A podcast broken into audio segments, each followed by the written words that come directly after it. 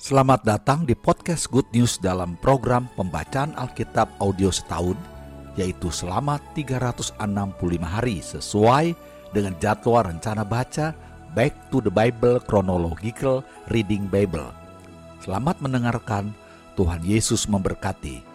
Inilah mendengarkan firman Tuhan hari ke-68.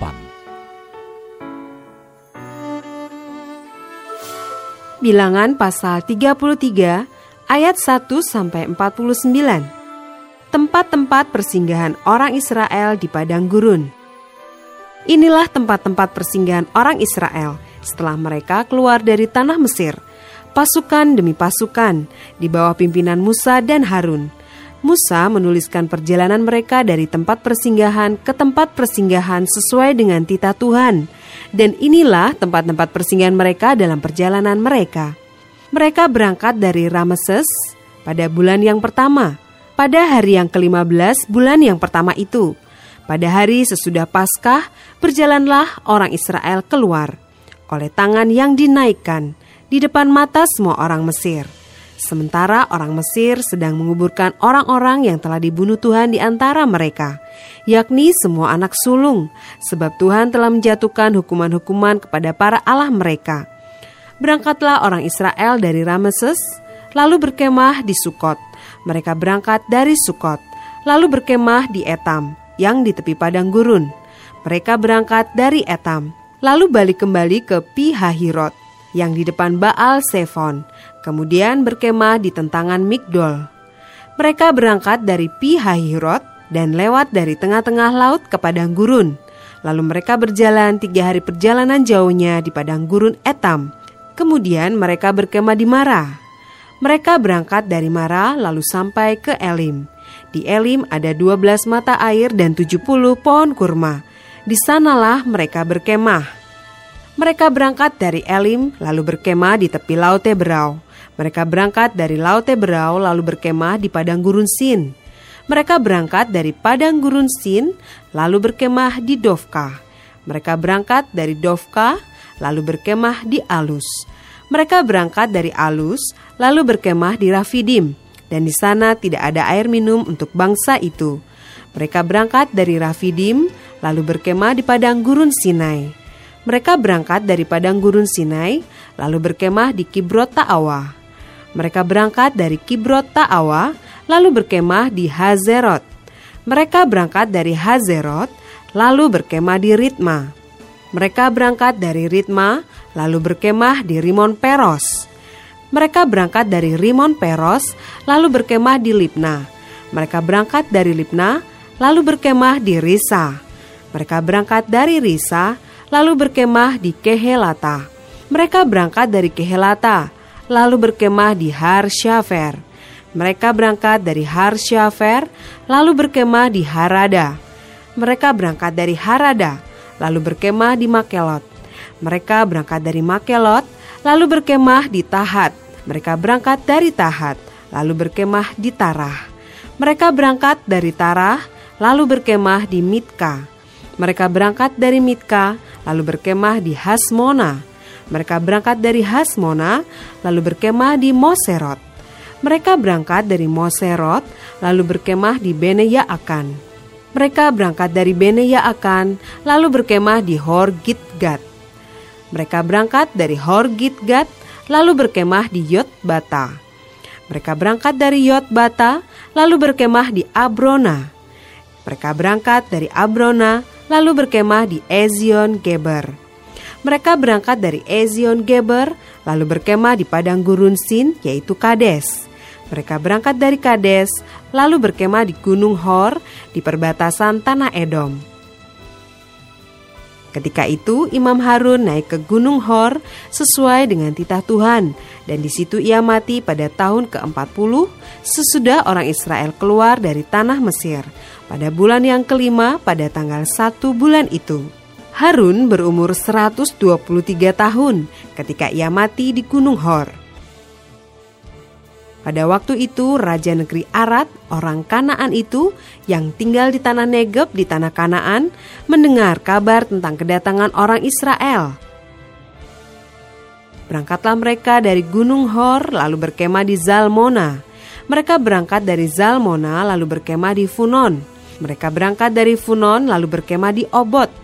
Mereka berangkat dari Obot lalu berkemah dekat reruntuhan di Abarim di daerah Moab. Mereka berangkat dari reruntuhan itu lalu berkemah di Dibon Gad. Mereka berangkat dari Dibon Gad lalu berkemah di Almon di Blataim. Mereka berangkat dari Almon di Blataim lalu berkemah di pegunungan Abarim di depan Nebo. Mereka berangkat dari pegunungan Abarim, lalu berkemah di dataran Moab di tepi sungai Yordan dekat Yeriko.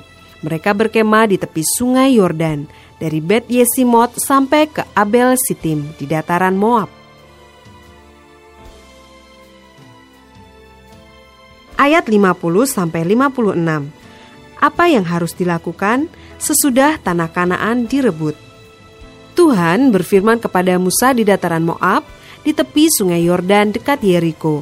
Berbicaralah kepada orang Israel dan katakanlah kepada mereka, apabila kamu menyeberangi sungai Yordan ke tanah Kanaan, maka haruslah kamu menghalau semua penduduk negeri itu dari depanmu dan membinasakan segala batu berukir kepunyaan mereka. Juga haruslah kamu membinasakan segala patung tuangan mereka dan memusnahkan segala bukit pengorbanan mereka haruslah kamu menduduki negeri itu dan diam di sana, sebab kepadamulah kuberikan negeri itu untuk diduduki. Maka haruslah kamu membagi negeri itu sebagai milik pusaka dengan membuang undi menurut kaummu. Kepada yang besar jumlahnya, haruslah kamu berikan milik pusaka yang besar. Kepada yang kecil jumlahnya, haruslah kamu berikan milik pusaka yang kecil. Yang ditunjuk oleh undi bagi masing-masing, itulah bagian undiannya Menurut suku nenek moyangmu, haruslah kamu membagi milik pusaka itu. Tetapi jika kamu tidak menghalau penduduk negeri itu dari depanmu, maka orang-orang yang kamu tinggalkan hidup dari mereka akan menjadi seperti selumbar di matamu dan seperti duri yang menusuk lambungmu, dan mereka akan menyesatkan kamu di negeri yang kamu diami itu. Maka akan kulakukan kepadamu seperti yang kurancangkan melakukan kepada mereka.' Bilangan pasal 34 ayat 1 sampai 12. Batas-batas tanah Kanaan.